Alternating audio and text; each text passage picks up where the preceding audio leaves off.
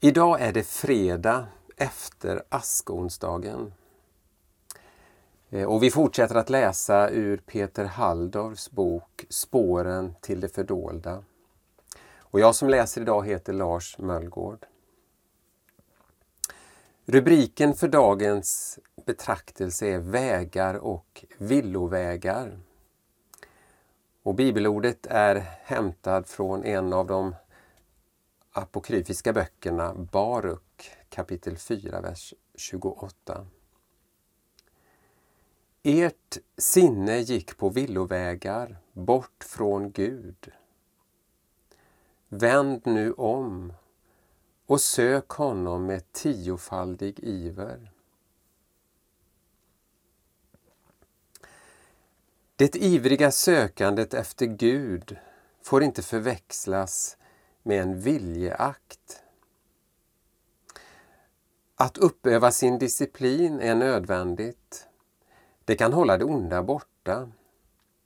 Men en viljeansträngning i sig för oss inte närmare Gud.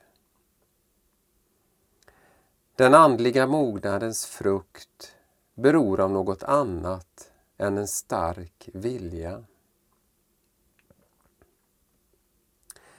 Det vi kan besluta oss för att göra och genomföra på ren vilja har bara betydelse indirekt.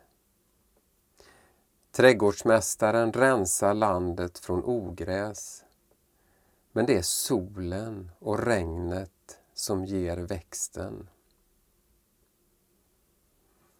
På samma sätt är frälsningen fri från möda. Hur mycket vi än letar letar hittar vi inte Gud.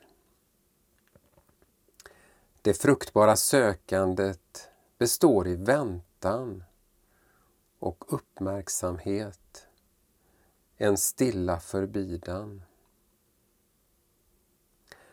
Den lätthet som ett friskt andligt liv präglas av kan vara svår att ta till sig.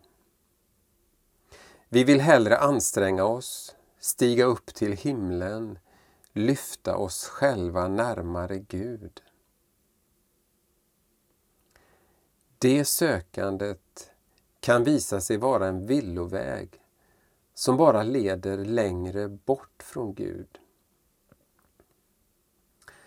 Men om vi väntar uppmärksamt kommer Gud att stiga ned och lyfta oss upp till sig. Någon annan väg finns inte till den erfarenhet Paulus vill öppna våra ögon för. Ni lever ett osynligt liv tillsammans med Kristus hos Gud. I de bibliska berättelserna och liknelserna är det alltid Gud som söker människan. Hon kan inte ta ett enda steg mot Gud om hon inte drivs eller kallas till det. Människan kan bara vänta uppmärksamt.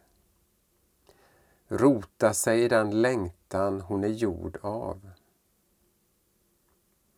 Den tiofaldiga iven yttrar sig inte i möda utan att vi står kvar.